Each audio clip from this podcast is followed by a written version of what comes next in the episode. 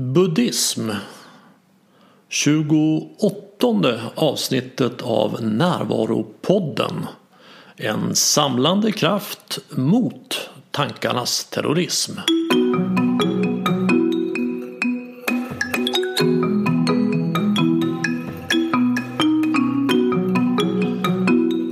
Det är Bengt Renander och eh, först vill jag berätta att det går att anmäla sig till alla vårens föreläsningar. Det kan kanske fortfarande finnas någon plats kvar på den om kärleksrelationer som är den 7 februari. Och sen kommer föreläsningar om maskulint och feminint i mars. Om att stoppa tankarnas terrorism i april och om tantrasex i maj. Och föreläsningarna har hittills alltid varit fullbokade och blir det allt tidigare så vill du vara säker på att få en plats boka direkt på renander.nu. Dagens avsnitt som handlar om buddhism har jag velat göra ända sedan jag startade podden. Men det har inte varit så lätt att hitta en erfaren buddhistmunk som pratar svenska. Men till slut så kom jag i kontakt med Staffan Hammers. Och Staffan har varit buddhistmunk i 11 år, varav 8 år i ett kloster på Sri Lanka.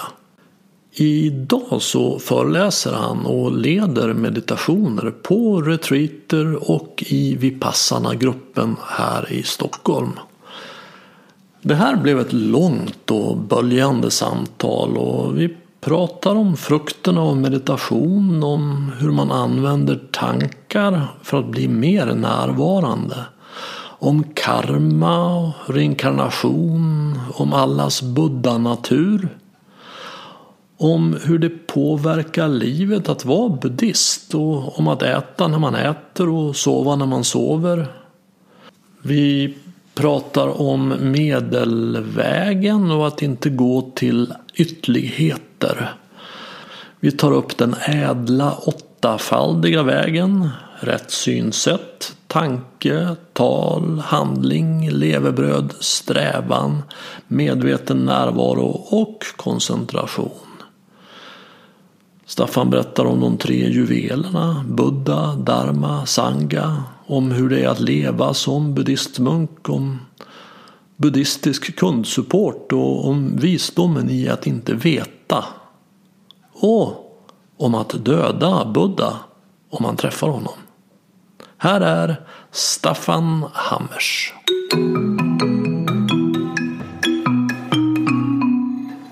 Centralt för mig är ju närvaro. Ja. Vad är närvaro för dig? Vad, vad tänker du kring närvaro?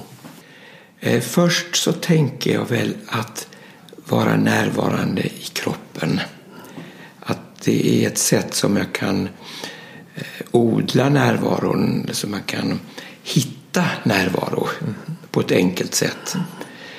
Och jag brukar när jag sätter mig i meditation brukar börja känna kontakten mot underlaget. Sittbenens kontakt mot meditationskudden eller stolen och fötternas kontakt mot golvet. Och sen brukar jag fortsätta att känna hela kroppen. Och det är ju liksom, kroppen kan inte ljuga. Och eh, sinnet kan vi säga, där kan du få uppgifter som kanske inte stämmer riktigt. Men kroppen är alltid kroppen. Den kan inte ljuga. Så att där vet du, känner du att du sitter, känner kontakten mot underlaget, då vet du att just nu sitter jag här och just nu känns det så här. Samma sak när man går.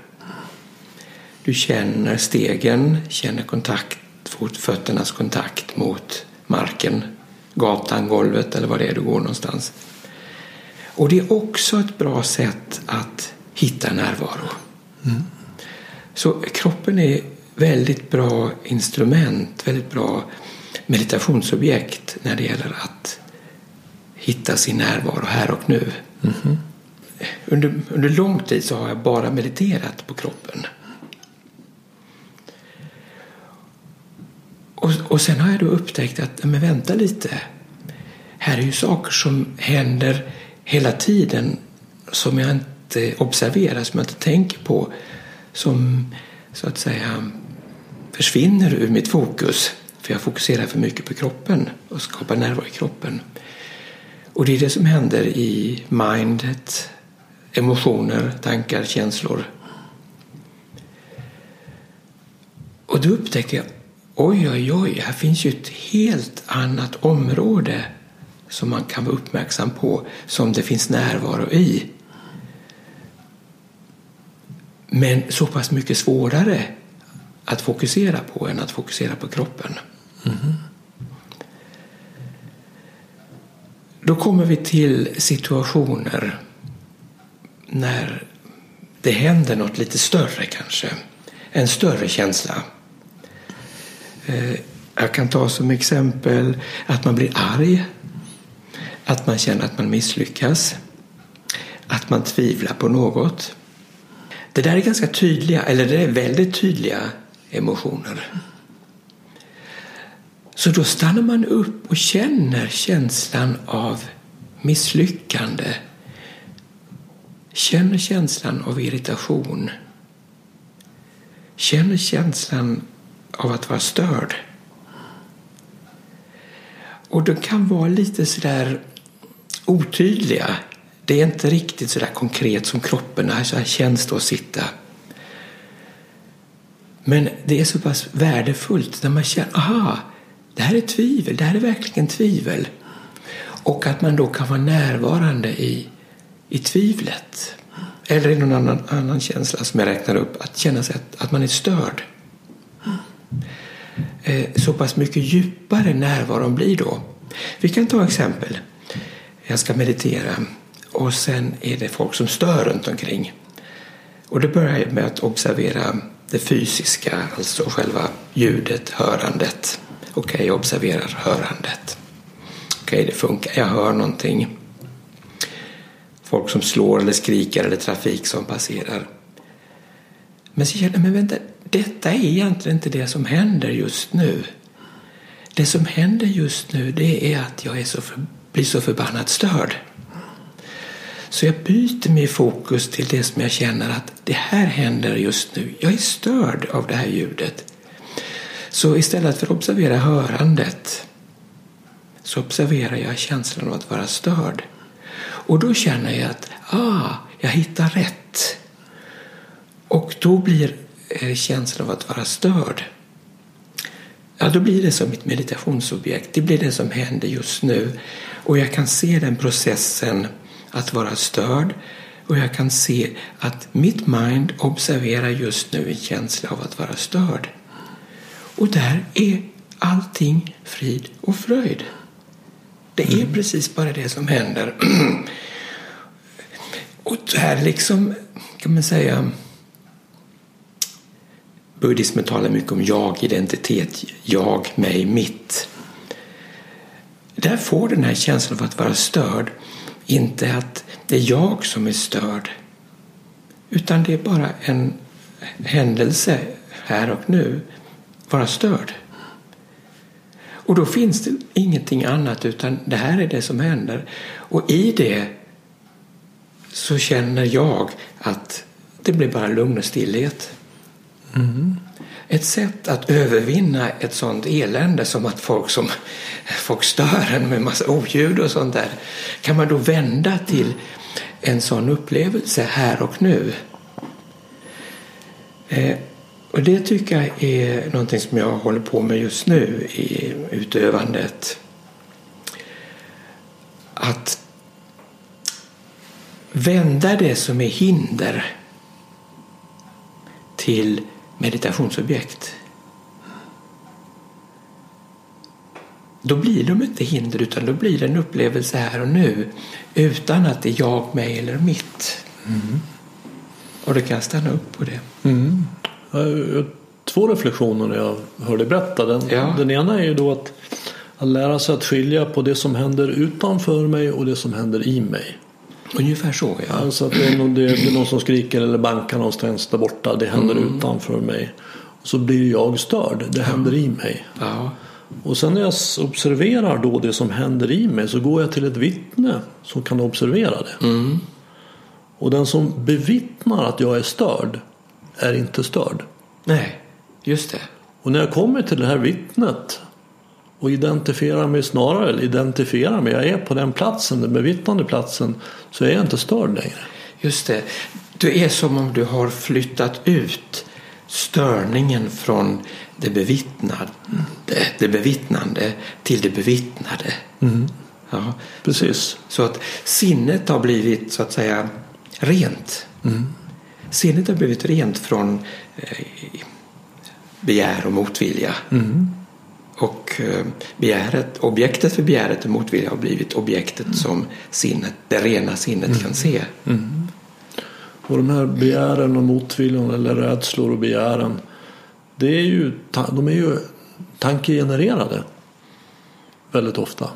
Jag vill att det ska vara tyst. Ja, just det. Ja. Eh, Det borde vara så här och det är inte så här. Relativa. Ja. Ja. Så att det handlar egentligen om, då, om att vakna upp ifrån den här tanken. Jag, jag vill leda in oss lite grann på buddhismen här. För att jag, jag vet ju att Buddha är ju inte ett namn som Bengt eller Staffan utan Buddha betyder den som är vaken. Ja. ja. Och, och vad är det man är vaken ifrån? Alltså jag tänker mig, jag kan ju kolla med dig om jag har förstått saken Ja. rätt. För jag tänker mig att det man är vaken ifrån är tankevärlden. Det är så lätt att leva i tankevärlden. Ja. Rädslor, begär, framtid, förflutet. Och så vaknar man upp och går till den här bevittnande delen, sin buddha-natur.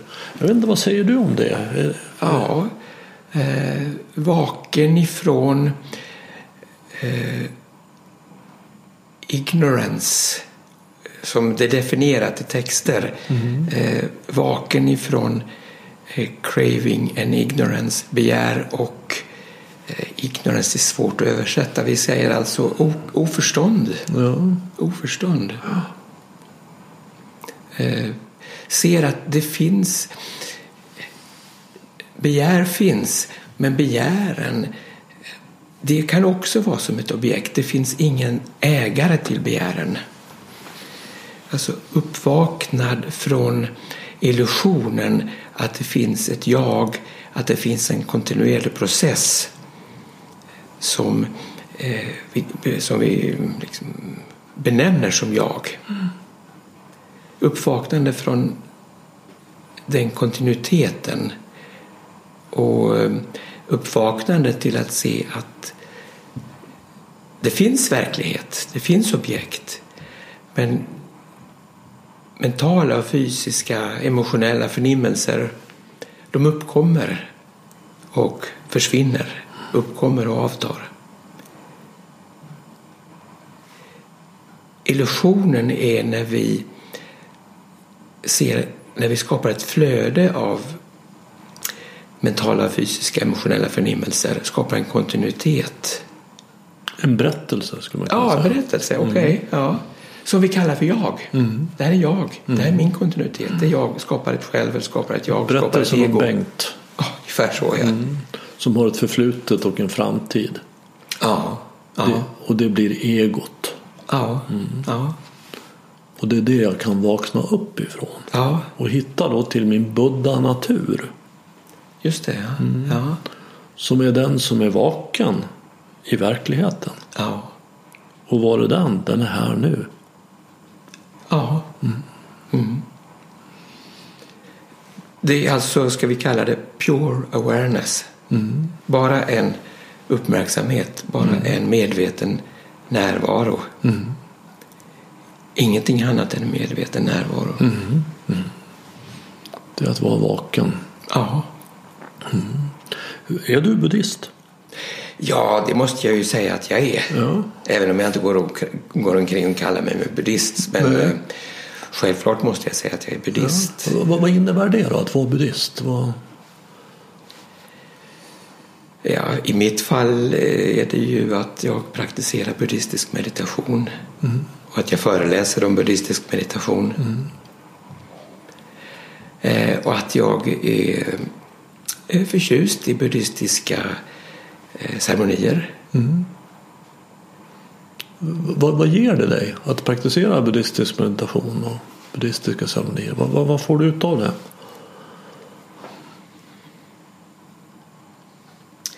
Ja, det får jag ju se i relation till hur åren har gått. Och om man tittar bakåt. Har du varit buddhist länge? Ja, det måste jag ju också säga att jag har mm. varit. Jag hur länge är det?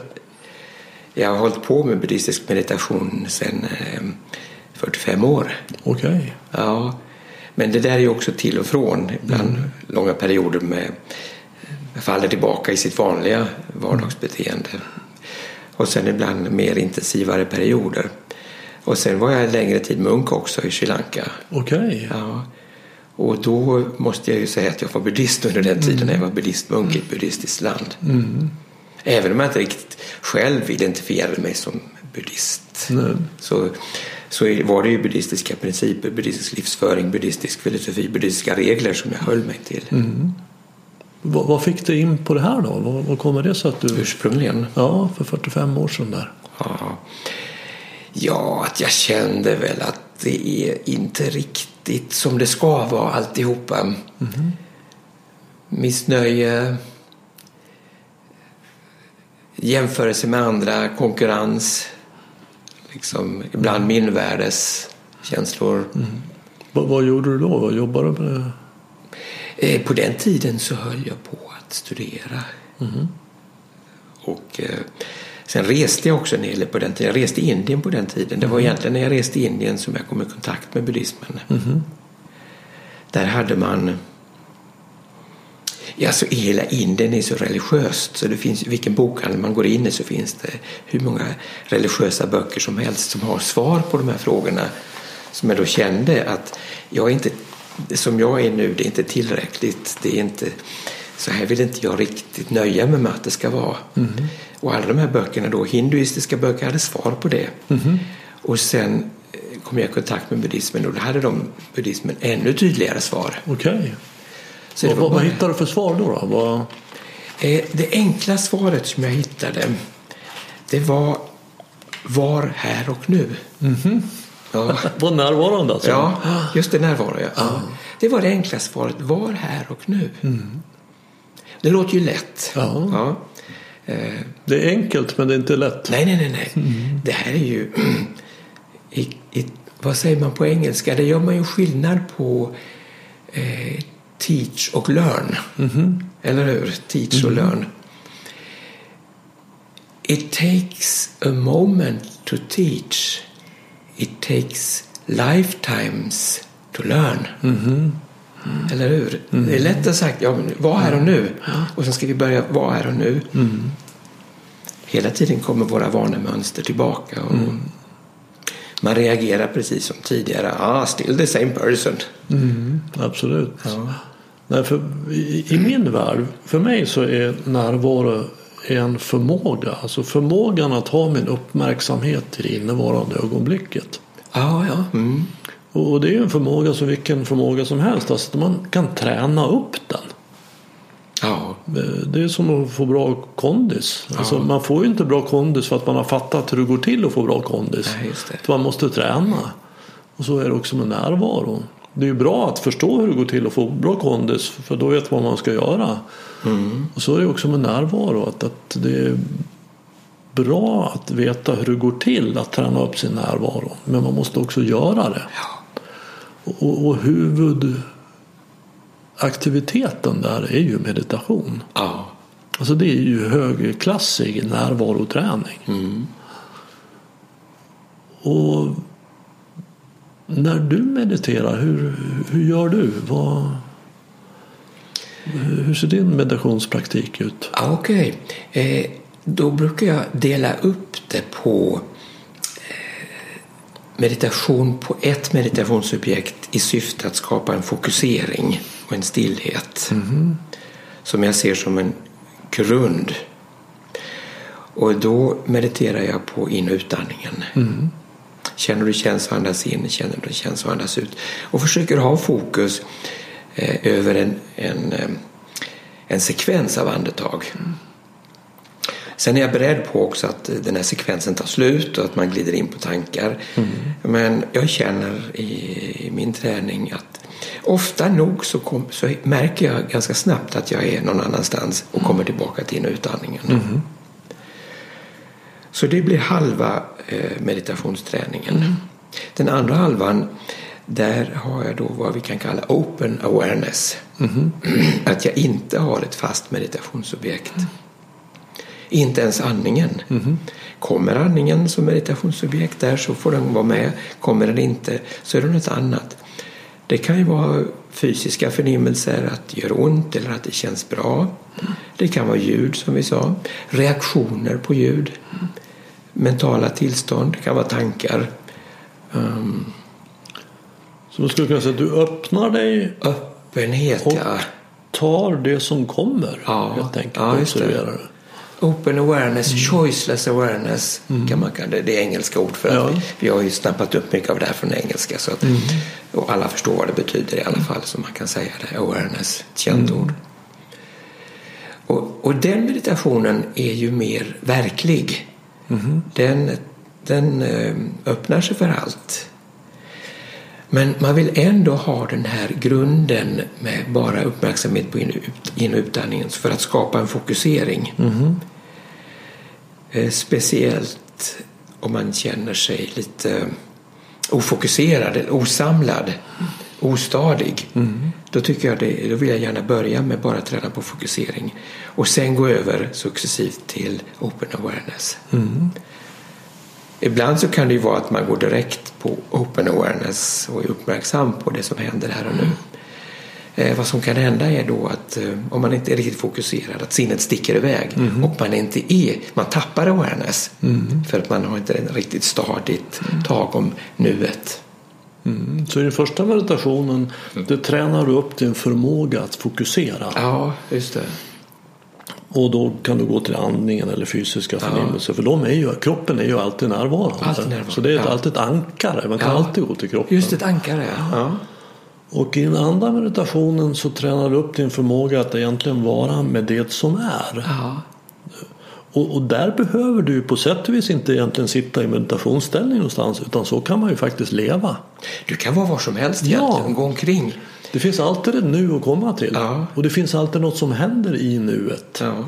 Så det handlar om att träna då att gå till det här vittnet. Mm. Och fokusera på det som är här nu.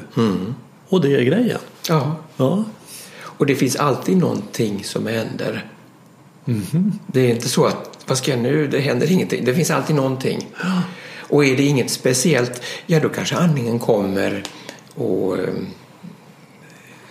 tar sig fram och blir det som händer just nu. Och det är det också helt okej. Absolut. Men det intressanta med, med open awareness det är att eh, det finns liksom olika nivåer där. Vi kan ta det här som, som vi har haft som exempel. Eh, man hör. Då är man uppmärksam på hörande. Och så sitter man och hör. Men det är något annat som händer under det. Att man är störd. Till exempel. Eller någon annan historia. Det finns alltid någon, liksom något tankespel som känns. Något mentalt spel som känns under. Eh, som jag tycker att det är viktigt att få med. Och hitta någonting som ligger under. Eh, vi kan ta ett annat exempel. Jag kanske kommer på någonting. En tanke. Eh, En, ska vi säga en obehaglig tanke. Vi pratar om negativa saker men det, det, alla förstår sådana här exempel. Jag kanske kommer på en obehaglig känsla.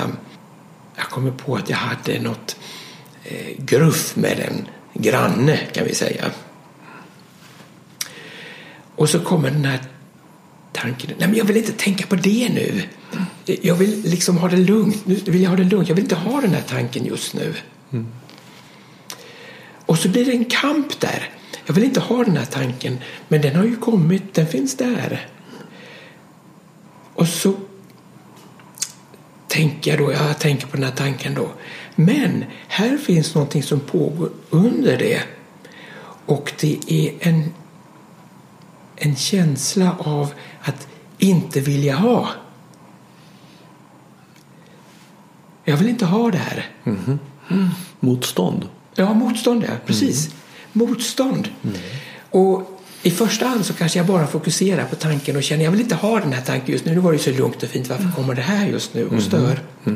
Och, ser, och, ser, och då ser jag inte att det håller på att växa fram ett motstånd. Och när jag upptäcker det, jaha, motstånd. Då är jag här och nu igen. Det är det jag tycker är intressant, de bakomliggande saker som kanske kanske skapar en konflikt inom en så, för, innan man ser dem. Mm. Så vi, vi, får se det här motståndet, för det kan vara det här motståndet som gör att tanken på det här gruffet ligger kvar. Mm. Men ser vi motståndet, då ser vi det som händer när det händer. Vi ser det som händer här och nu. Där är alltså närvaro mm. i det vi är närvarande i, i motståndet. Mm. Det andra har redan passerat. Mm. Precis, för att bråket med grannen var kanske i morse. Ja. Nu sitter jag här och tänker på det som var i morse men under det så finns det ett motstånd för jag vill inte tänka på Ja. det. När du kommer i kontakt med motståndet så kan du säga så här okej jag har ett motstånd Ja. Det är okej, det går bra. Just det. Puff! Så att där går du till acceptans och det är ju för mig nyckeln egentligen till Mm. närvaro. Acceptans och närvaro hör ju så intimt samman. Mm. Det är väldigt svårt att vara närvarande om man inte accepterar det som är. Just det. Och där sa du rätta ordet. Det är okej. När vi kan se att ja, men det är okej med motstånd. Det är inget fel. Och varför är det inte något fel? Jo, för att det är det som händer just nu. Det händer. Och eh, jag observerar motstånd. Awareness, mindet observerar motstånd. Det är min upplevelse just nu. Och helt enkelt därför är det okej. Ja, för- nyckeln till närvaro, eller i alla fall en av nycklarna till närvaro är ju att inse att världen är som den är. Ja, ja. Och jag, gör, jag ger upp min kamp mot verkligheten. Och då kan ju de säga, men vadå ska man inte förändra den till bättre? Jo absolut, men först behöver du acceptera den som den är. ja. För världen är alltid som den är.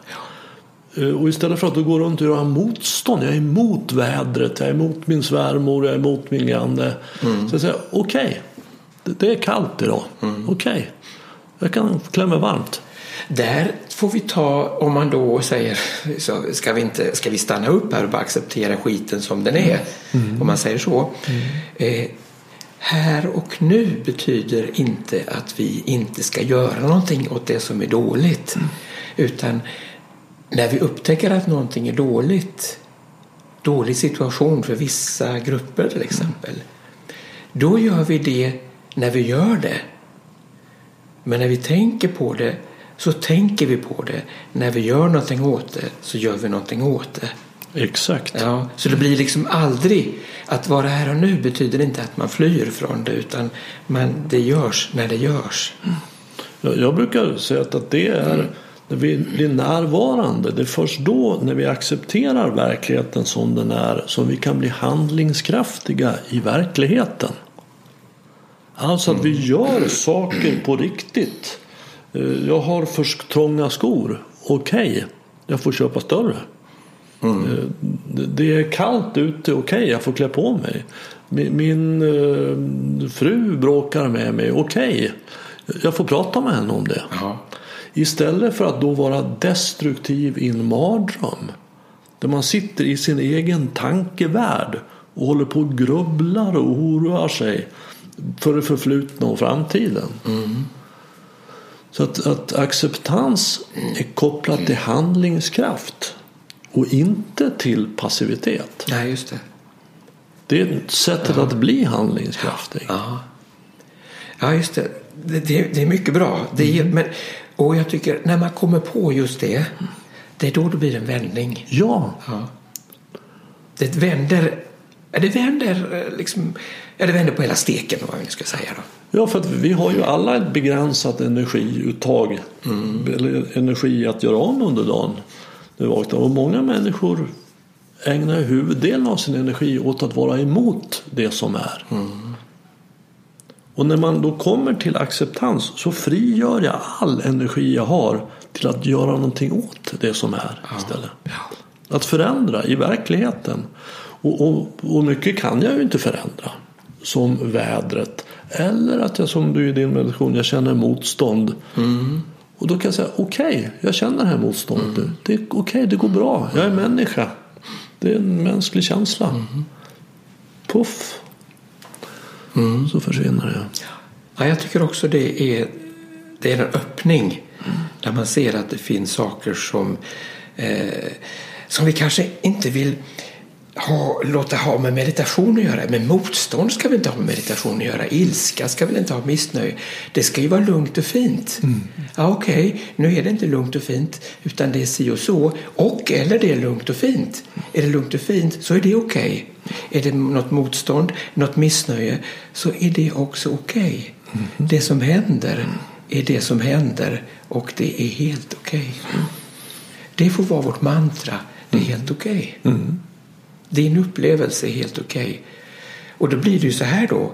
Du är bra som du är. Mm. Du är bra som du är. Mm. Mm. Det är inget fel på dig. Nej. Vi, är människor. Ja, ja, det. det är okej. Okay. Vi behöver inte vara fullkomliga, behöver inte vara gudar, för, för det är vi inte. Vi är människor. Ja. Det finns ju så mycket bilder av hur, hur det ska vara och hur man ska vara när man mediterar. Det ska, precis som du säger, man ska vara lugn och det ska bara vara harmoniskt.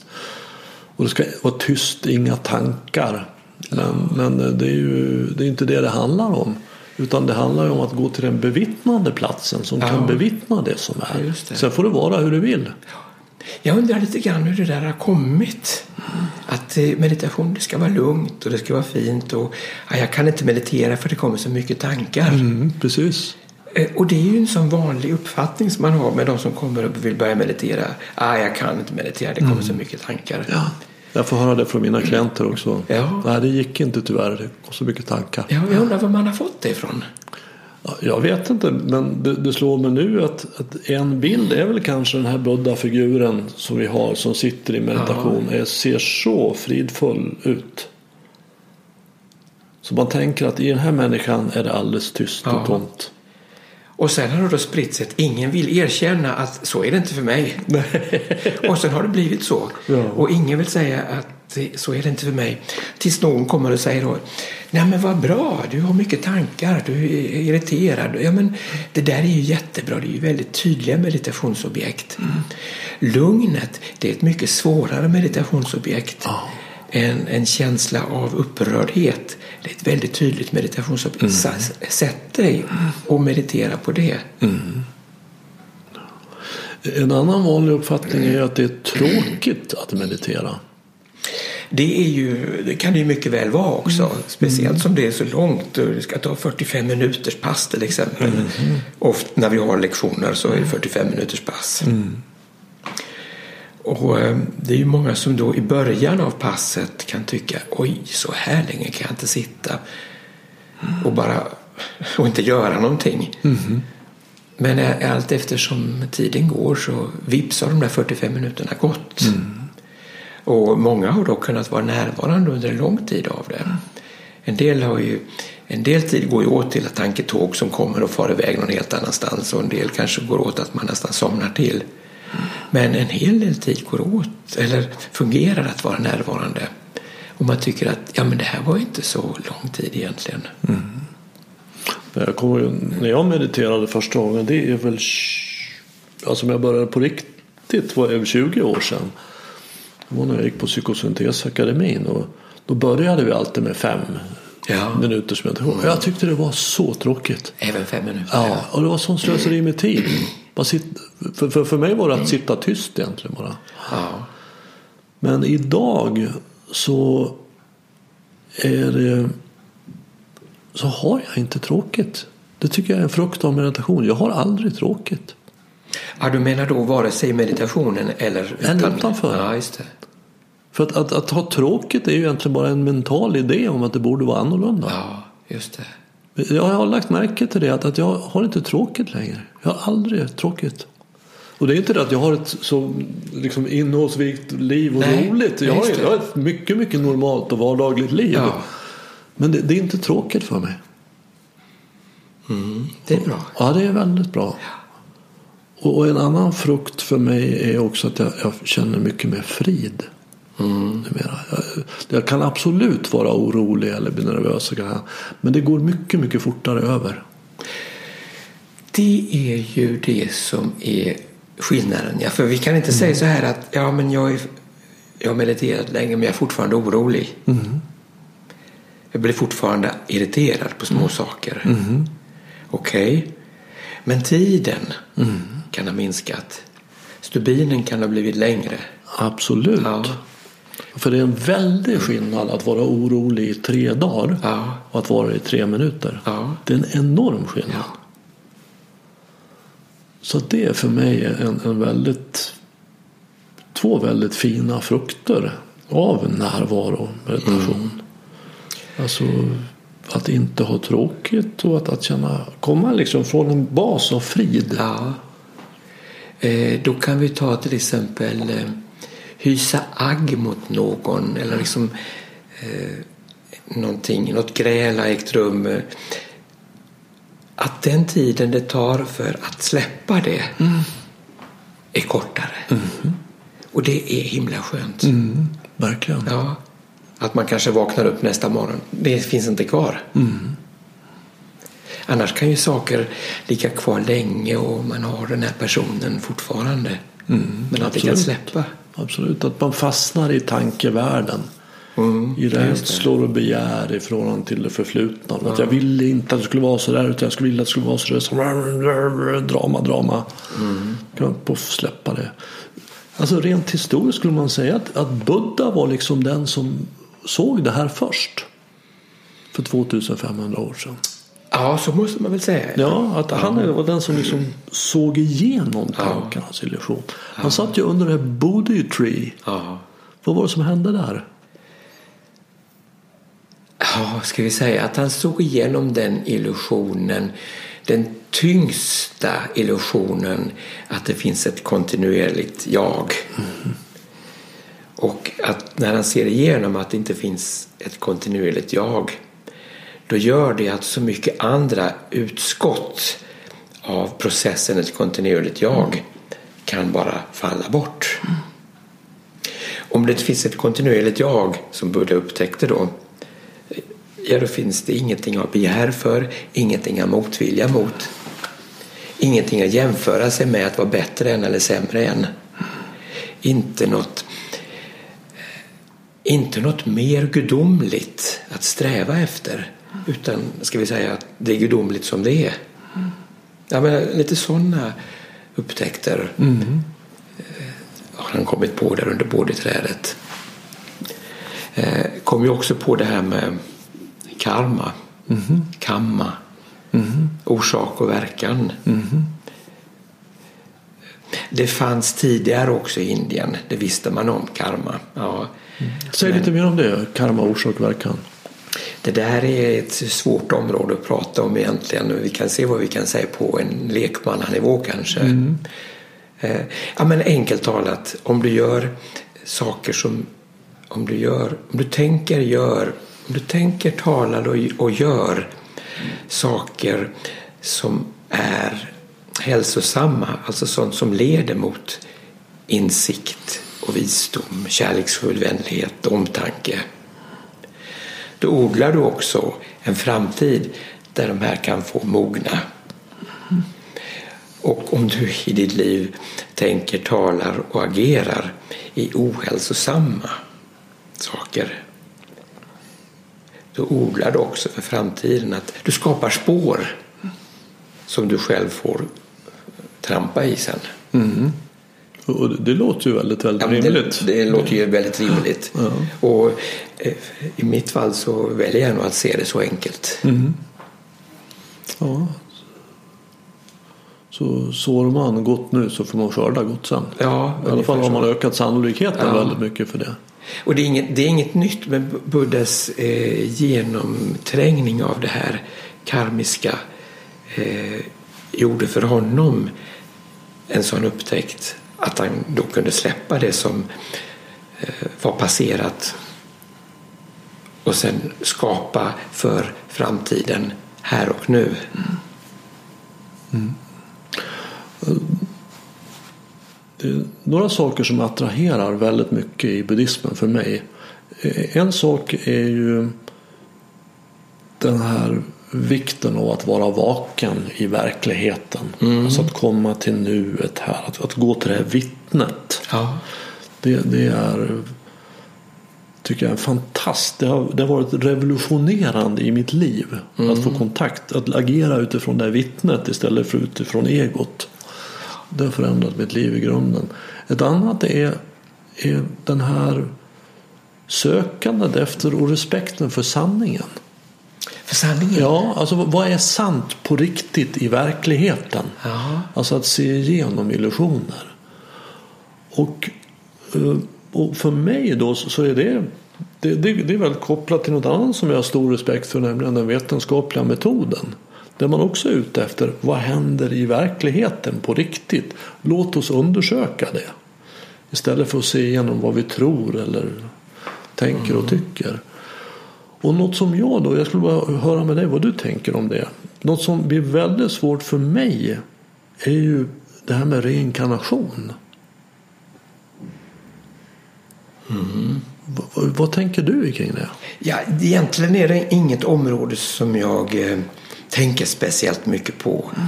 För att jag känner inte att jag har några bevis eller verktyg för att kunna veta huruvida det är sant eller inte sant. Mm. Eh, men jag har ju läst väldigt mycket buddhistiska texter. Och Buddha talar hela tiden om, han kan tala om tidigare liv, vad han gjorde då, vad han gjorde då. Och eh, eh, att vi odlar för ett framtida liv. Så att eh, rent teoretiskt sett så hakar jag ju på vad, de, vad som står i texterna om mm. att det är man, lever, för, man, man, föds, lever, dör, föds, lever, dör, föds, lever, dör, föds, lever, dör och att det håller på så. Kanske i en lång oändlighet. Tills man så småningom inser att det här är en illusion. Det här att födas, leva, dö och ser igenom kontinuitetsillusionen och där och kan då sluta. Det blir inte mer föds, lever, dör. Mm. För det var aldrig något som, var föds, som har fötts i första läget. Mm. Och ingenting som dör då heller. Mm. Men det där blir teorier för mig. Utan eh, Jag läser i skriften och talar, där talas det om återfödelse. Börjar beskriva det. Därför att i en metaforisk betydelse så har jag ju lätt att ta till med det. Man kan ju se en dag, alltså att man föds på morgonen, lever på dagen och dör på kvällen Ja. för att återfödas nästa morgon. Eh, Men det är ju en metaforisk betydelse. Ja, men det här är intressant. Eh, om vi ser karma i ett sådant perspektiv, inte från liv till liv, utan från ögonblick till ögonblick. Från en vänlig, generös handling så kan vi erfara vänliga, generösa resultat. Och vice versa. Vi får se karma och då återfödelse i ett sådant perspektiv. Alltså mer till här och nu. Det vi gör nu, det har vi nytta av kanske i nästa ögonblick. Mm, absolut, och, och där, där, där, är jag, där är jag helt med. Ja, då blir det verkligt. Då blir det, då blir det som vi själva eh, kan greppa. Då behöver vi inte säga att det kanske finns, man kanske efterföd, åt- efter döden så återföds man någonstans. Det kan vi inte veta, eller vi och vi. Jag kan inte veta. Nej, jag vet inte heller. Nej. Det, det är ju egentligen det enda jag kan säga om någonting. Men, för mig, jag ser ingenting som tyder på det. Nej. Så, eftersom Buddha då betonar att undersök själv. Ja.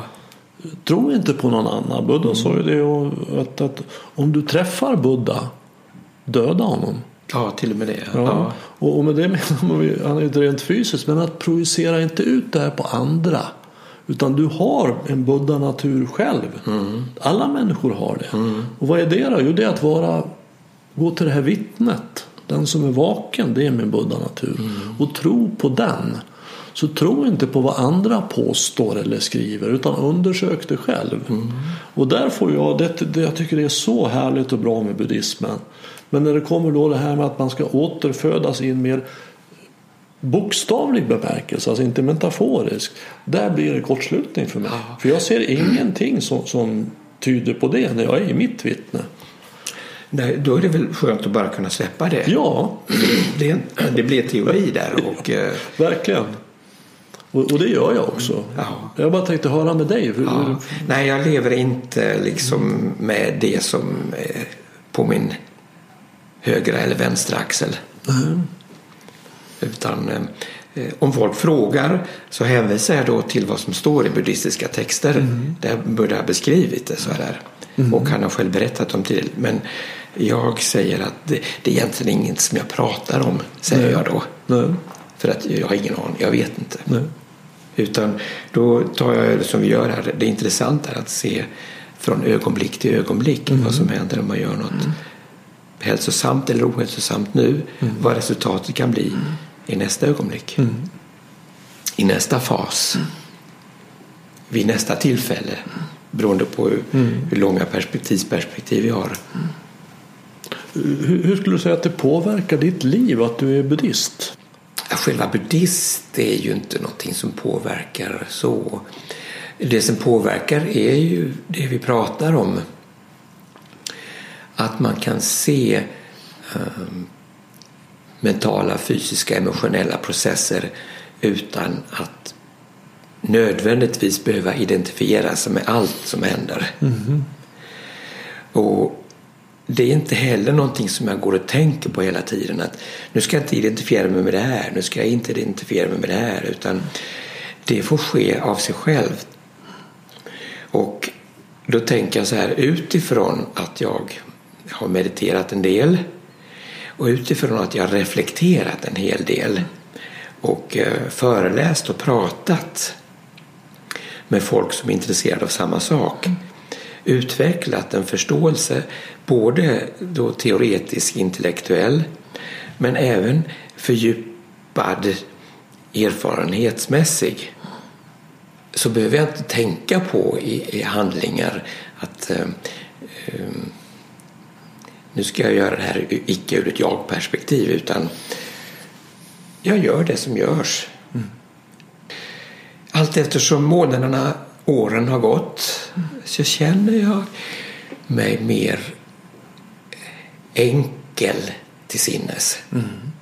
Även om jag då faller eh, med jämna mellanrum faller tillbaka i rädsla, oro, själviska begär och motvilja och allt det här eländet som man släpar med sig så känner jag ändå att eh, eh, finns en lite trevligare distans till det. En lite rolig distans till det. Så att jag både kan se det och ibland fastna i det. Ja, nej, det finns ju en, en sån någon sorts vardaglig enkelhet i det. Att om man kallar stunder av, av fullständig närvaro för ett upplyst stund Ja, ja, så har jag ja. upplevt sådana. Det, det är ingen tvekan om det. Huvuddelen av min tid är ju inte där. Men jag har upplevt det och det som sker där är ju inte att det sker någonting märkvärdigt utan det, precis, det sker någonting så enkelt. Det blir så enkelt och klart, så självklart. Det som händer för dig då är det som händer och det är Ja, okej. jag bara är med det som är. Ja. Kan sitta och titta på en, ett, ett träd som svajar lite grann. Mm, Okej, ja, Det går bra. Ja, just det. Ja. Vad ska jag göra nu? Steker ett par ägg. Står där och steker sitt ägg och sina Ja. köttbullar liksom. Ja. Det finns ju en hel del sådana mästaren, lärjungen historier under buddhism, inom buddhismen. Och en är så här att, att lärjungen frågar mästaren Varför mediterar vi så mycket? Och den här mästaren kan ju vara ganska stränga ibland. Så säger, För att äta och sova. Jaha. Och ja, ja, så lärjungen. Och sen går det ett par minuter och räcker han upp handen. Så, men eh, ursäkta, men äta och så, gör inte alla det? Jo, men det är få som äter när de äter och sover när de sover. Ja. Ja. Det är grejen. ja, det är grejen. Ja. Ja. Att äta när man äter och sova när man sover. Det är så många som när de ska sova så gör de något annat. Nämligen oroar sig eller Ja. är någon annanstans. Istället för att sova när de sover. De äter sitter de och tänker på något annat. ja. Vet knappt vad de har ätit. Just det. Man tappar det till. Istället för att vara Ja. med det som är. Ja. Jag gjorde meditation eh, för ett tag sedan på en retreat. Och jag gjorde gångmeditation. Och jag var uppmärksam på stegen. Och jag var uppmärksam på avsikten att ta stegen. Och jag tänkte, ja men jag gör ju helt rätt. Jag är uppmärksam på stegen och jag är uppmärksam på avsikten att ta stegen. Det är kroppen och sinnet. Vad mer kan jag göra? Men ändå kände jag hela tiden att det är fel. Du gör, något, det du gör inte det fullt ut. Det är någonting. Och jag kände att det är inte riktigt rätt. Jag gör inte, inte rätt. Jo då, jag gör det rätt. Jag tar ett steg, jag är uppmärksam på stegen. Och sen helt plötsligt slog det mig. Tvivel. Jag har tvivel på om jag gör det här rätt. Och då såg jag att här har jag gått, jag har gjort den här meditationen och det har funnits ett sånt tvivel. Jag har känt på mig att det fanns någonting annat mer än, mer än uppmärksamheten på stegen. Men jag hittade inte det, jag tittade inte ens på det. Och sen såg jag att hela den upplevelsen tog säkert 60 procent av uppmärksamheten. Och jag har inte sett det. Och då slår det mig att eh, det här var tvivel. Och då var det helt okej. Ja, tvivel. Ja, men självklart, det är ju tvivel. Och då kunde jag göra gångmeditationen precis på samma sätt, men utan tvivel. För då, visste jag, då såg jag också tvivlet. Då fick det vara med och vara tillåtet innan jag inte sett det. Nej. Så väldigt viktigt tycker jag är att inte bara se liksom kroppen utan även ha, ha, en vid, ha ett vidöppet mind. Totalt vidöppet. Där det finns plats också för de mentala impulser, de mentala spel som pågår. Ofta lite i det fördolda, lite under ytan. Ha ett vaket kan- vittne. Vaket vittne, okej. Ja. Öppet awareness som är vidöppet. Inte bara fokuserat på den handlingen som vi gör just nu. Men jag måste också säga så här till lyssnarna, om vi säger så, om det är någon som lyssnar här. Att vägen till att kunna ha uppmärksamhet, vidöppen uppmärksamhet, eh, kan gärna få gå via uppmärksamhet på fysiska aktiviteter. För de är lättare att vara uppmärksam på. Så vi kan nöja oss med att träna oss på att vara uppmärksam på eh, gången när man går, andningen när man sitter, eh, matlagningen, det fysiska sk- skärandet när man skär till exempel. Handtvättandet när man tvättar. Men, men så småningom ändå öppna upp och se att det finns en hel uppsjö med mentala processer som man kan se som pågår samtidigt med det här. Som, som då blir lite grann åsidosatta om man bara fokuserar på den fysiska handlingen. Så vi får gärna öppna upp och se de mentala processerna och bli väldigt överraskade och se oj, är det så mycket som pågår här och nu? Och det jag kommer att tänka på när du berättar den här historien är ju att, att vi att vi kan försöka för mycket. Alltså vi ansträngde oss. Att jag gör fel, jag borde göra annorlunda, det borde vara rätt. Och jag kommer att tänka på en annan historia om en av Buddhas lärjungar. Jag kommer inte ihåg hans namn, du kanske vet det. Men han var en väldigt ambitiös meditatör. Han var otrolig. Han verkligen satt och han gjorde också gående meditation så att fötterna blödde. Men han, tyck, han kom aldrig till någon frid, till någon stillhet. Och han var verkligen ansträngde sig så otroligt mycket. Han, han ville bli bäst. Men han, han, han kom snarare i drama. Så han gick till Buddha och frågade vad, vad, vad ska jag göra? Jag gör allting som du säger. Jag gör det stenhårt. Och Buddha sa så här. Du, jag har hört att du är lutspelare. Ja. Du spelar luta. Ja, jo det, det, det stämmer. Jag har hört att många människor har haft glädje av ditt lutspel. Jo, det, det, det, är riktigt. När du stämmer strängen på din luta vad händer om du stämmer, spänner den för hårt? Ja, ja, då blir det ju fel ljud. Alltså, I värsta fall går den av. Ja. Vad händer om du spänner den för löst? Ja, då får jag inget ljud ur den. Mm, just det. Alltså medelvägen. Mm. Att inte för mycket och inte för lite. Utan att kunna vara någonstans där i mitten. Det tycker jag också är en sak som är fin inom buddhismen. Ja. Man understryker liksom att vara emellan. Inte antingen eller. Nej. Utan både och. Ja, just det. Ehm, Jag kan fortsätta på det spåret, för det där är det viktigaste egentligen, eh, rätt strävan. Att vi hittar den balansen. Eh, Där har vi det här som vi talar om att vara och att göra. Eh, Vi är väldigt mycket i görandet. Och även när vi sätter och mediterar så vill vi göra meditation. Nu ska det bli någonting av det här.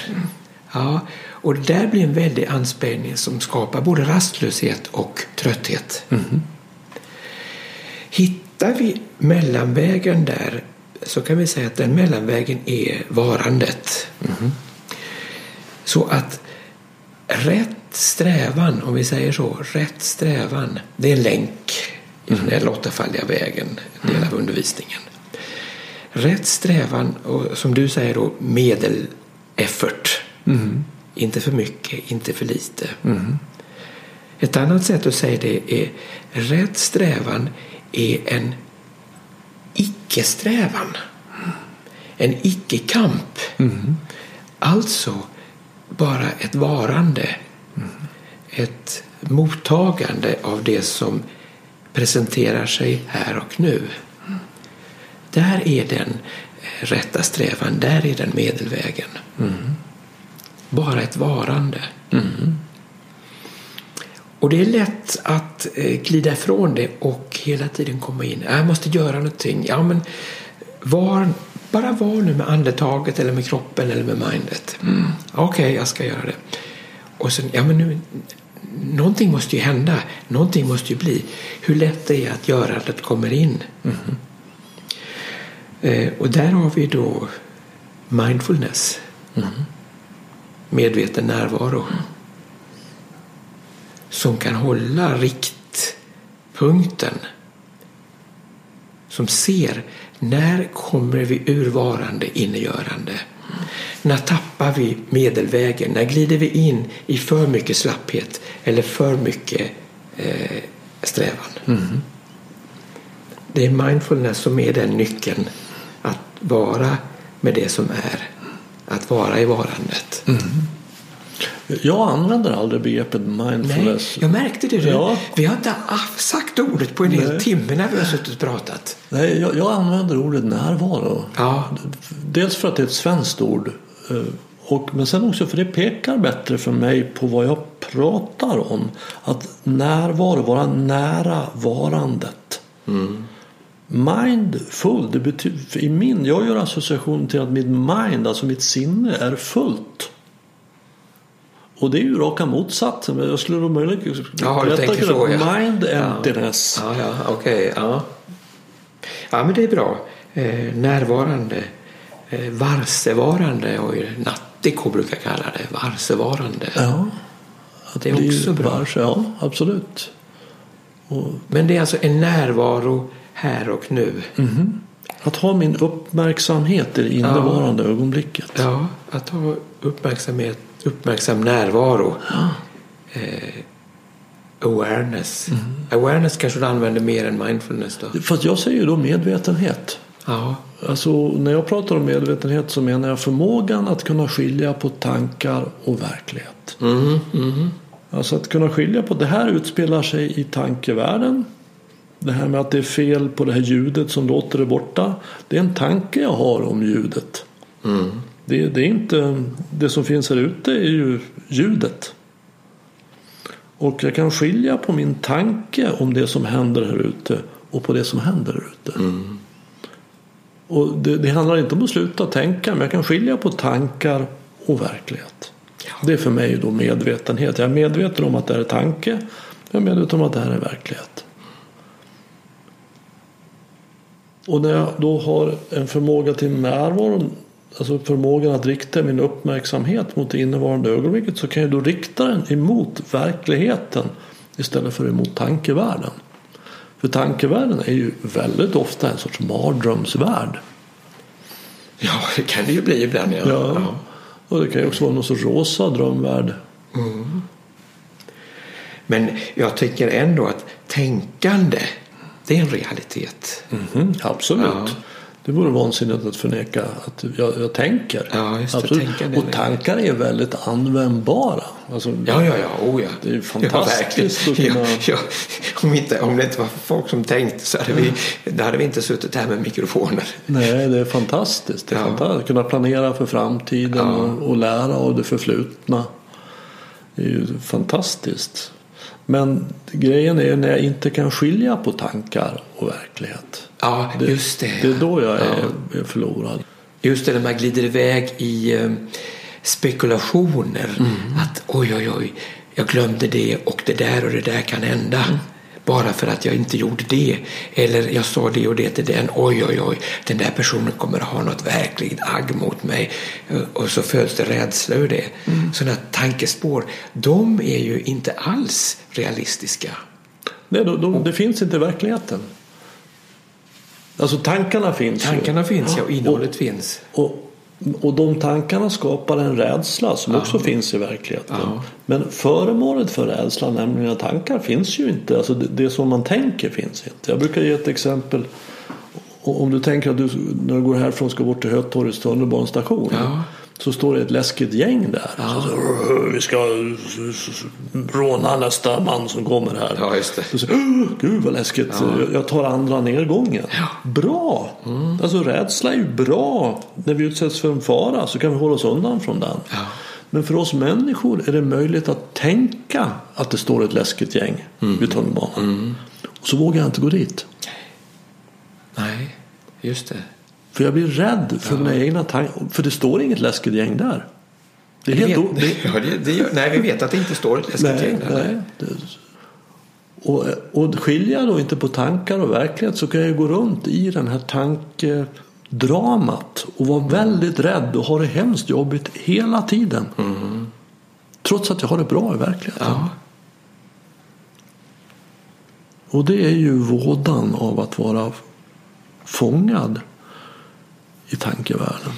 ja, att inte upptäcka att nu sitter jag i ett tanketåg. Upptäcker du det att du sitter i ett tanketåg, ja då kan du bara klippa och komma tillbaka till här och nu.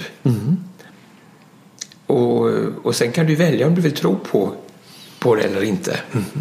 Och då kan du se, jaha, åh, det här var bara en tanke. Jag släpper den. Jag kan ju undersöka om det är sant. Alltså, Kan gå dit och titta. Ja, precis. Och väl du behöver göra det. Ja. Eller, för att det som är sant, det som finns i verkligheten, finns här nu. Ja, Det finns i verkligheten nu. Så är ju verkligheten beskaffad. Att det här är det enda som är verklighet. Det innevarande ögonblicket. Jag skulle gärna komma in lite mer på, på buddhismen. Du nämnde tidigare om den åttfaldiga vägen. ja prata lite om teorier och Ja, sånt. precis. Jag kanske praktisk tillämpning av teorier. Men lite grann, vad, vad, vad, vad är den åttfaldiga vägen? Då ska jag prata om den ädla åttafaldiga vägen. Ja. ja Okej, lite som föreläsning nästan kanske. Om, om, du, ja, om det blir så. Vi får jag kanske avbryta med någon fråga. Eller Ja, något men sånt. så måste vi göra. Eh, ska vi säga då att åttafaldiga vägen är en av de stora grundpelarna i Buddhas lära, den ädla åttafaldiga vägen. Och eh, då har vi en, vi ser den buddhistiska symbolen, ett åttaekrat hjul med åtta ekrar, alla lika långa. Vilket betyder att alla länkarna i, det, i den ädla åttafaldiga vägen är lika viktiga. Ingen som är viktigare än den andra. Så vilka är de? Buddha inleder den ädla åttafaldiga vägen genom att sätta rätt synsätt eller rätt förståelse. Det är där vi startar med rätt synsätt, rätt förståelse. Och ska vi säga det på ett enkelt sätt vad som menas med det här vet vi vad som är rätt och fel? Vad som är gott och ont? Vad som är hälsosamt eller vad som är ohälsosamt? Ja, det kanske vi vet. Gör vi det som är rätt och inte det som är fel? Gör vi det som är gott och hoppar över det som är ont? Gör vi det som är hälsosamt och inte ohälsosamt? Alltså gör vi det som leder mot insikt och visdom, mot kärleksfull vänlighet och omtanke? Eller gör vi det som leder åt andra hållet? För att både förstå vad som är hälsosamt och ohälsosamt och också utverka det så behöver vi visdom. Det är liksom en grund för att vi ska kunna komma vidare. Det här är ska vi säga, en vardagsdefinition på rätt synsätt, mm. rätt förståelse. Sen på ett djupare plan så tar Buddha upp sådana saker som eh, att allting är obeständigt. Vi kan inte hålla fast vid någonting, det är obeständigt. I och med att det är obeständigt, all form av fasthållande, identifikation med något som är obeständigt leder till vad Buddha kallar lidande, dukkha. Mm. Och i och med att det är obeständigt, inte fast, inte kontinuerligt så har det egentligen ingen själ eller jag eller ego utan hela buddhistiska undervisningen talar om icke-jag. Det finns ingen solid kontinuitet. Det är mentala fysiska förnimmelser som uppkommer och försvinner. Ingen. Vad vi gör, vi skapar en kontinuitet genom att identifiera oss, hålla fast vid de här processerna och göra dem till jag, mig, mitt. Förståelsen alltså är att allting är obeständigt och fasthållandet till något som är obeständigt leder till ett lidande och i och med att det är obeständigt så finns det ingen kontinuitet. Där sammanfattar vi visdom. Mm. Mm. Men jag är mest intresserad av själva den första, att se skillnad på vad som är hälsosamt och ohälsosamt. Mm. Det är mm. vardagsdefinition på rätt förståelse. Mm. Ja, nästa länk är rätt tanke. Utifrån rätt förståelse så tänker vi också rätt. Vi tänker tankar som är baserade på kärleksfull vänlighet och omtanke och på generositet. Inte på själviska begär, inte på hat eller tankar på hämnd. Mm. Rätt tanke kommer ur ett sinne som är format i rätt synsätt, rätt tanke. Vidare kommer ur ett sinne och tankar som är rätta då, rätt tal. Det är den tredje länken i den ädla åttafaldiga vägen. Mm. Och rätt tal kan vi enkelt säga. Vi kan säga motsatserna. Tal fritt från lögn. Tal fritt från baktal. Tal fritt från eh, ilsket uttryckssätt, hårt ilsket uttryckssätt och också tal fritt från ja, extremt struntprat. Mm. Rätt tal. Och det kommer också ur en rätt förståelse. Mm. Skulle du in, infoga någonting där? Sa du? Nej, jag skulle bara säga babbel. Alltså att ja, hålla babbel, på babbla. Ja, ja babbel ja. ja, ja just det. det. det babbel. Ja. Inte, det blir rätt, rätt tal. tal. Mm. Alltså det är ju rätt tal i många sammanhang. I social för att socialisera så måste vi hålla på och babbla. Mm. Vi börjar kanske med att babbla och kommer i kontakt. Så att helt bortkastat eh, kan man liksom inte säga att det är. Det leder, det leder, det fångar ihop oss och hittar samband som sen kan utvecklas och ta oss längre. Mm. Så att Nej, jag ska inte prata för det är bara struntprat. Det där blir lite fel. Det blir, mm. går till en annan ytterlighet. Mm. Då vi, har vi strängen där igen. Ja, då har vi strängen ja, där igen. Vi ska ja. inte dra för mycket men heller inte för lite. Nej, utan, utan hitta medelvägen. Ja. ja. Så att du kan skapa grund för fortsatt utveckling. Mm. Det gör vi inte om vi skär bort oss själva genom att vägra eh, inledande, trevande struntprat. Mm. Eh, sen den fjärde här är rätt handling. Och rätt handling sammanfattningsvis eh, att vi agerar så vi inte skadar oss själva eller våra medvarelser. Och om det finns ett behov kan ge en hjälpande hand. Där kan vi sammanfatta rätt handling. Den buddhistiska etiken kan vi sammanfatta på det här sättet. Den femte är rätt sätt att förtjäna sitt livsuppehälle. Mm. Och det har också i samma linje att vi inte skadar någon annan på vårt sätt att tjäna vårt livsuppehälle. Och det kan man tänka, vad kan det vara som vi skadar varandra? Eh, vapen, va? Mm. trafficking, mm. många olika sorter där vi kan skada andra på olika sätt. Droger, sådär, sälja droger och sånt. Eh, då ska vi se, de här tre sista rätt tal, rätt handling och rätt förtjänande av livsuppehälle. De kan vi gruppera i en grupp som vi kan kalla för etik. Mm. Och generellt då är etiken att vi lever ett sätt där vi inte skadar oss själva eller våra medvarelser. Mm. De två första kan vi eh, klassificera in i en visdomsdel. Rätt synsätt och rätt tanke. Mm. Så då har vi två på visdom, tre på etik och de tre sista grupperar vi i eh, ja, meditation mm. skulle vi kunna säga. Alltså själva verktyget. Och där har vi rätt strävan, rätt mindfulness, alltså rätt medveten närvaro mm. och rätt koncentration. Mm. Själva meditationsdelen. Och rätt strävan sa vi nyss att hitta balansen, en medelväg. Eller en strävan att bara vara. Att stanna upp och bara vara. Inte behöva göra, åstadkomma någonting utan ta emot det som är i meditationen. Mm. Mm.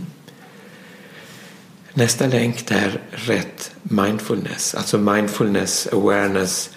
Det är vår definition på att vara med det som, vara med det som händer när det händer. Alltså att vara närvarande här och nu är vår definition på medveten uppmärksamhet, mindfulness awareness. Det är ordet vi väljer, sinnesnärvaro. Att vara med det som händer när det händer. Och de här stödjer varandra då, rätt strävan och rätt mindfulness. Rätt strävan att så fort sinnet har farit iväg någon annanstans och upptäckt att det är någon helt annanstans, där och då, inte här och nu, så tar rätt strävan tillbaka mindfulness och placerar det här och nu. Mm.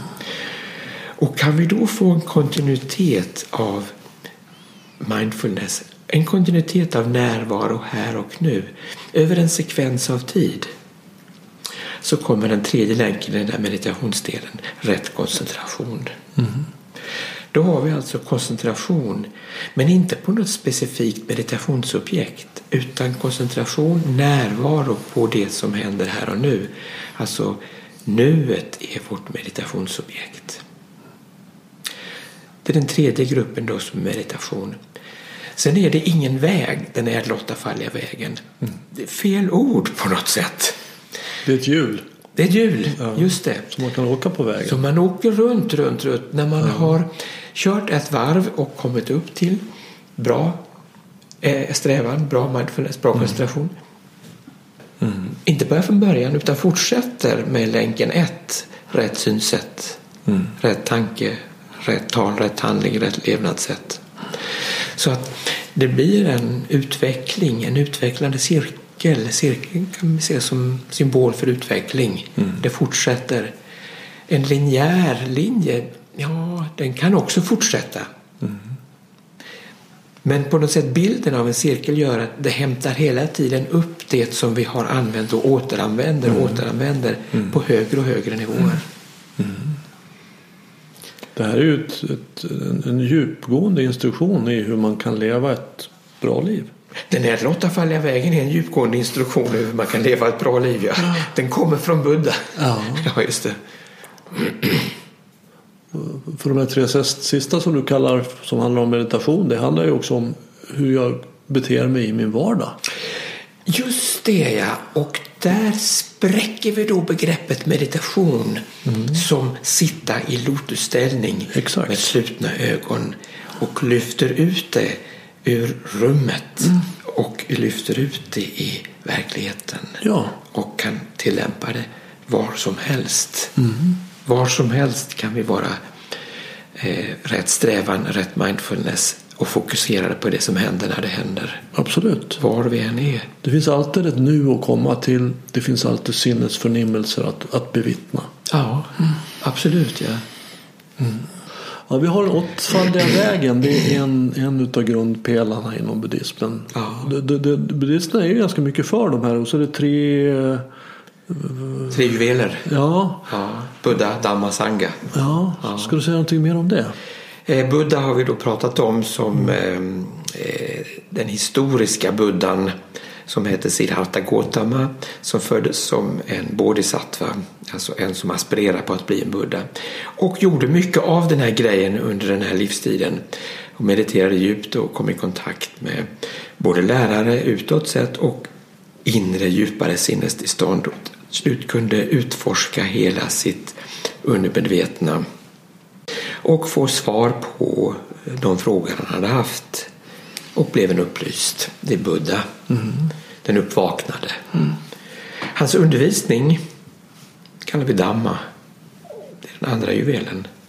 Undervisning då som infattar till exempel den elva åttafaldiga vägen. Undervisning om hur vi ska bete oss, närvaro, etik, hjälpsamhet, goda kvaliteter. Och sen den tredje juvelen är Sangha. Sangha kan vara på olika nivåer. Eh, ursprungligen så menades nog Sangha den upplysta munkar och nunnor som hade nått något stadium av upplysning. Sen har man breddat det. Inte bara munkar och nunnor utan även lekmän och lekkvinnor såklart. Mm. Upplysta munkar, nunnor, lekmän och lekkvinnor. Sen kan vi säga att vi har breddat sangha-begreppet så att det kan omfatta alla som praktiserar Buddhas Dhamma. Mm. Så man kan säga det på olika sätt. För Dharma är ju läran. Ja, läran och ja. Sangha är, gemenskapen. Gemenskapen, ja. ja. Gruppen man är med i. Ja. Ja. Så där sig använder man ordet gemenskapen då kan man ju gott säga ja men det är alla vi som praktiserar Ja. Dhamma. Men ursprungsdefinitionen var alltså mer strikt. Mm. För jag tänker ju, jag, jag tar Buddha bokstavligt i det när han säger att alla har en Buddha-natur. Ja, alltså att, det, att det var ja. inget speciellt med honom att han är någon gud eller någon Guds barn. Utan han är en människa som genom meditation har lärt känna sig själv och vaknat upp ur tankarnas illusion eller drömvärld. Det är, det är bra. Eh, just det du säger där eh, gör ju också en tyngd åt den tredje juvelen Sangan. På det sättet att det var inte bara Buddha själv som kunde bli upplyst utan de som praktiserar hans undervisning, Dhamma, eller du säger ordet Dharma, det är sanskrit respektive pali. Eh, Så jag är van att säga på pali Dhamma. Eh, De som praktiserar Buddhas Dhamma kunde också nå insikt och visdom tillräckligt för att nå upplysning nibbana. Och där är Sangha en väldigt fin juvel på det sättet att det ger möjlighet för var och en att nå samma insikt, nibbanisk insikt som självaste mästaren. Du har varit munk i Sri Lanka? Ja, munk i Sri Lanka. Ja, hur var det? Hur länge var du det? Ja, eh, jag var munk i Sri Lanka i åtta år. Okej. Ja. Hur var det? Eh, Det var både på gott och ont. Jag hade ju länge tänkt eller drömt om eh, vad mysigt det skulle vara att vara munk. Och bara man tar på sig roben tänkte jag att man skulle få hjälp med sin insikt. Men såklart så fungerar det inte så utan det är ju samma eh, vardag samma vardagsbestyr som man måste göra och samma vardagsbekymmer som man måste komma över. samma hemlängtan som jag hade om jag hade varit lekman eller som jag varit munk. Så ingenting sådär speciellt att man skulle glorifiera som jag hade tänkt att det skulle vara. Men ändå ett väldigt fint liv. Väldigt fint att komma i kontakt med bra människor, leva i närheten och leva ett väldigt enkelt och eh, funktionsfullt liv från dag till dag. Sådana saker är värdefulla tycker jag. Enkelt och funktionsfullt liv.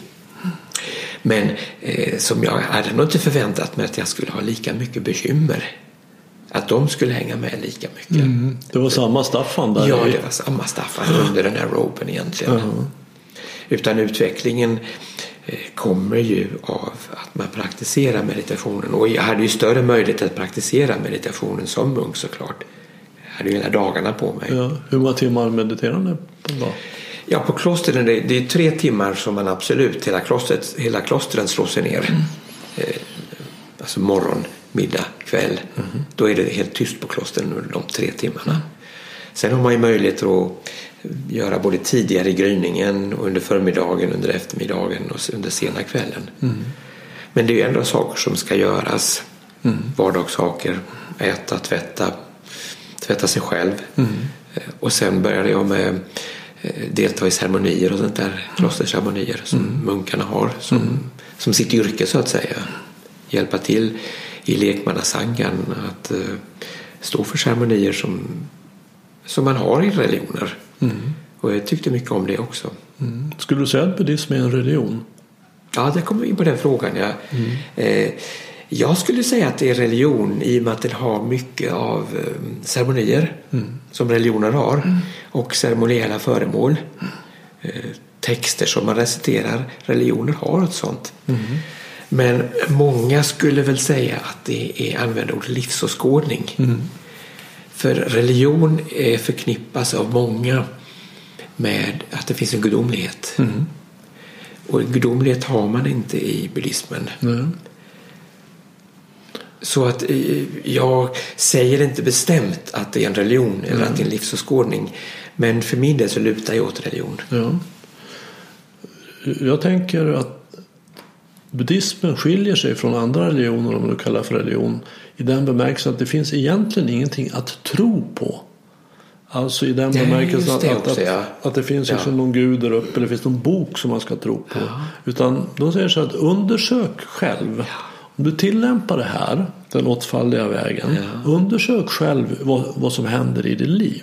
Tro inte på att det kommer att bli, utan prova det, undersök det. Och, och det tilltalas jag väldigt mycket utav. Ja. Jo, det är strikt uttalat. Tro inte på. Ja. Tro inte på utan undersök det själv. Ja. Undersök om det är sant. Och det skulle ju ingen annan religion ha utan det är, det är sant som du säger. Det är baserat på tro. Även hinduismen är baserat på tro. Ja, absolut. Det finns ju väldigt mycket gudar i, i, hinduismen att Ja. tro på. Och eh, buddhismen föddes ju i ett hinduistiskt land och bröts ut där riktigt revolterande. Okej. Eller hur? Ja, alltså fullständigt Ja. bryter mot det gamla. Ingen gudomlighet, inte tro på någonting. Nej, ja, det är sant. Så, så vad, vad, tog, vad tog du med dig där från de här åtta åren? Vad, vad, vad gav det dig? För, Eh, Jag tog med mig kunskap, inspiration. Vad som gjorde att jag eh, inte fortsatte. En känsla av att eh, vilja vara med vanliga människor och framförallt kvinnor. Det, de kom ju till klostren och var bedårande vackra allihopa som kom med sin religiösa utstrålning. Men ingenting som man kunde komma i närheten av. nej. för att som buddhistisk munk så får man inte ha sex. Nej, nej, det är celibat. Ja, absolut. Så vad som har hänt när jag kommer tillbaka är att jag känner att jag har assimilerat det som jag kunnat få ut av klosterlivet och applicerar det i en vardag här. Och det tycker jag har gett mig mer än klosterlivet. Dalai Lama säger ju det att det du lär dig om buddhismen, använd inte det för att bli en bra buddhist. Utan använd det i ditt liv där du är. Ja, det är nog så jag har känt också. Och eh, jag tycker nog att jag är mer buddhist nu, om vi skulle säga så, om vi använder då buddhist, och mer buddhist nu, än vad jag var som munk. För har jag kunnat använda det, eh, alltså assimilera det i det som egentligen är min, mitt ursprung. Så, så hur, hur ser ditt liv ut idag? Du jobbar? Ja, jag jobbar heltidsjobb. Ja. ja, vad gör du? Jag jobbar på eh, med kundsupport på ett dataföretag. Ja, då kan det vara bra att ha ett accepterande förhållningssätt. Ja, alltså eh, vi, vi tillverkar eh, tidplaneringssystem, vikariehanteringssystem. Och de data så där, det är ju väldigt komplicerat idag.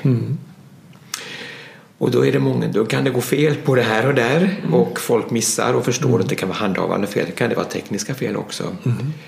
Eh, Det jag har hand om då är det även mer handhavande fel. Man, man vet inte hur man ska använda programmen och, och det blir fel och sådär. Då hjälper jag till att ställa det till rätta så att eh, det som har blivit fel blir rätt. Plus att jag tidigare också har hjälpt till att utveckla programvaran. Men det gör jag inte så mycket nu utan nu är det mer att ge den här kundstödet. Dina arbetskamrater, märker de av din buddhistiska... Ja, alla vet ju om min bakgrund och sådär. Ja. Det ju, pratar jag ju med jämna mellanrum om. Eh, Min närmaste chef eh, tycker ju att jag har ett väldigt eh, jämnt temperament. Eh, Om kunder ringer och är upprörda så, jag, så tar jag dem på samma sätt som de hade ringt och pratat väl om våra produkter. Att jag har ett jämnt temperament. Och det tycker jag är någonting som jag då är glad över att jag har övat upp. Mm, verkligen. Ja, Verkligen kunna behålla din vakenhet i verkligheten. ja. Inte bli en reaktiv automat. Nej, just det. Utan man, känner, man kan känna i att det här, här håller jag inte med om, det här tycker jag inte om. Men låta det stanna kvar på att uppleva och känna det utan att behöva bli reaktiv. Utan istället försöka alstra lite vänlighet möjligen. Och, och, och skoja lite grann om det. Eller be om ursäkt för att eh, ja, vi har klantat till oss här när vi har gjort den här eh, funktionen. Den var faktiskt ganska dålig, jag håller verkligen med om det.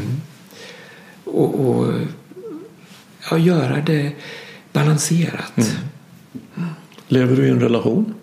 Ja, jag är gift sedan... Eh, eh, vi har en 20-årig relation. Ja. Ja. Ja. Är hon också i buddhist? Hon håller på med meditation men skulle absolut inte kalla sig buddhist. Ja, för det är ju en väldig tillgång i en relation också. Om båda mediterar. Ja, ja. Vet vad det innebär att se igenom Ja, sina ja, tankar. ja. Oh, ja. För att om det räcker med att en tror på sina tankar ja. så är det, blir det väldigt mycket drama. Jag tycker nog att hon är mer balanserad än jag. Jag Okej, säga. ja. Min- Min upplevelse är så. Ja, härligt. Okej. Har du något mer som du känner att det skulle vara bra för lyssnarna att höra om, få veta om buddhismen? Det kan ju egentligen vara vad som helst i Ja, så fall. Absolut. Eh, det kan vara något som du kan ha märkt när du föreläser eller pratar. Att Ja. det här är något som blir värdefullt för många. Och vi säger så här att eh, jag vet inte. Så kan det ju tolkas som att jag är dum i huvudet. Jag vet inte. Men det kan också vara en att jag inser att jag vet inte. Och inte gör det till något konstigt. Jag vet inte. Och kan stå för det. Då är det visdom. Och då ska jag ta ett exempel. När jag själv såg en sån här skillnad. Det var en retreat jag gjorde nyligen. Och eh, jag är van att meditera på kroppen. Fysiska förnimmelser. Och eh, kvinnan som ledde retriten sa då efter ett par dagars mediterande nu ska ni vara bara vara uppmärksamma på mindet. Jaha, sa jag. Och jag ställde frågan, ska vi inte vara uppmärksamma på kroppen alls? Nej, nu ska ni bara vara uppmärksamma på mindet.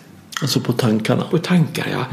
Tankar, inte bara tankar utan hela mindet, alltså det du kallar eh, det observerade vittnet. Ja. Ska gå till vitt och observera tankar och känslor. Ja, tankar, allting som är mentalt. Observera och det. fysiska.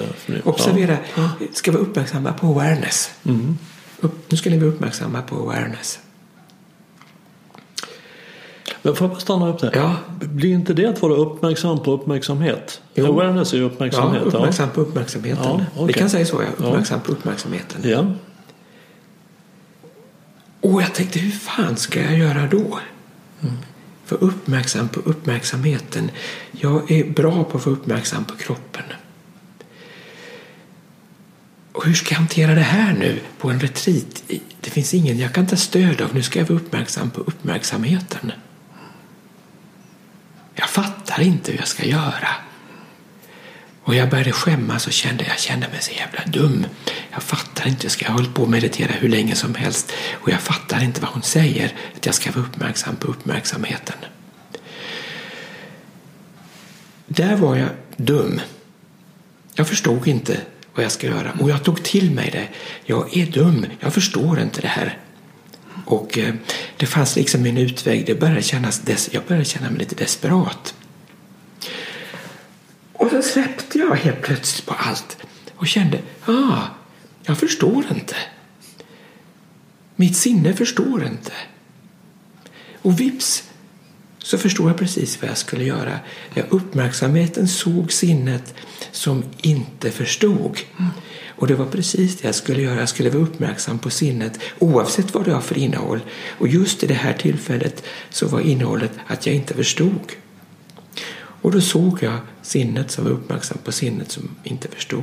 Och då i det ögonblicket förstod jag. Så där gick det från eh, don't know. Det här är också ett begrepp som, kom, som kommer från Zen. Don't know mind. Och don't know mind kan då både vara dum, förstår inte, dum, dum i huvudet. Eller också eh, don't know mind, visdom. Man ser. Don't know. Jag kan inte, jag vet inte, förstår. Och var ärlig och uppriktig med den insikten att jag förstår inte. Men jag ser samtidigt mindet som inte förstår. Ja, det där tycker jag är väldigt viktigt och väldigt fint. Att, att det egentligen är det, det enda sanna svaret på alla frågor är att jag vet inte. Det är ju ett jättebra svar. Ja. Det är ju ett jättebra svar i sig också. Ja. ja. För, för att det, allting rymmer en sån enorm komplexitet. ja. Och, och att ha nybörjarens ögon istället för att jag vet hur jag ska göra. Istället för att okej, okay, jag vet inte. Hur ska jag göra det här? Komma in med nybörjarens ögon. Och det är väl det don't know mind. ja. Jag kommer att tänka på en fin bild av kunskap som jag tycker är väldigt användbar. Och det att, att ha bilden av kunskap som en ballong. Det jag vet, det är det som är i ballongen. Och det jag inte vet, är det som är utanför ballongen. Så när jag har en väldigt, när min, när min ballong är tom, eh, det finns väldigt lite i den, så är min kontaktyta mot det jag inte vet är ju väldigt liten. Så när jag vet väldigt lite är det lätt att tro att jag vet väldigt mycket. ja. Men sen får jag veta lite mer. Då ökar min kunskap, då ökar också kontaktytan mot det jag inte vet. Och ju mer jag lär mig, ju mer inser jag vad jag inte vet. Ja. Det är en väldigt bra inställning överhuvudtaget. Lite mod. Ja, absolut. Ja, Verkligen. Tålamod. Ja. Modet att tåla Modet att tåla. Ja. att jag ja. inte vet. Ja, ja just det. Ja, Ja, precis. Vara öppen. Ja. Ja, en fin historia. Ja. Tack. Ja. ja, då rundar jag med den. Ja, det, vi gör det. Ja.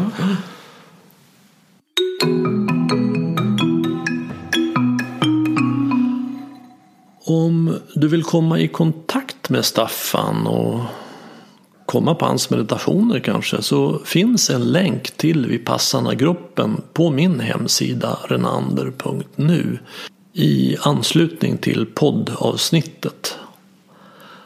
Och vill du stödja podden i kampen mot tankarnas terrorism så gör du det genom att tipsa om att den finns till vänner och bekanta. Det är också hjälpsamt om du betygsätter och skriver kommentarer på iTunes. Desto fler vi är som är vakna i verkligheten, ju mer kan vi förändra den på riktigt. Vet du någon som arbetar med att stödja andras närvaro och som du tycker borde vara med här så tar jag tacksamt emot tips. Tveka inte att kontakta mig och enklast gör du det via kontaktformuläret på min hemsida renander.nu. På återhörande. Och du, var uppmärksam.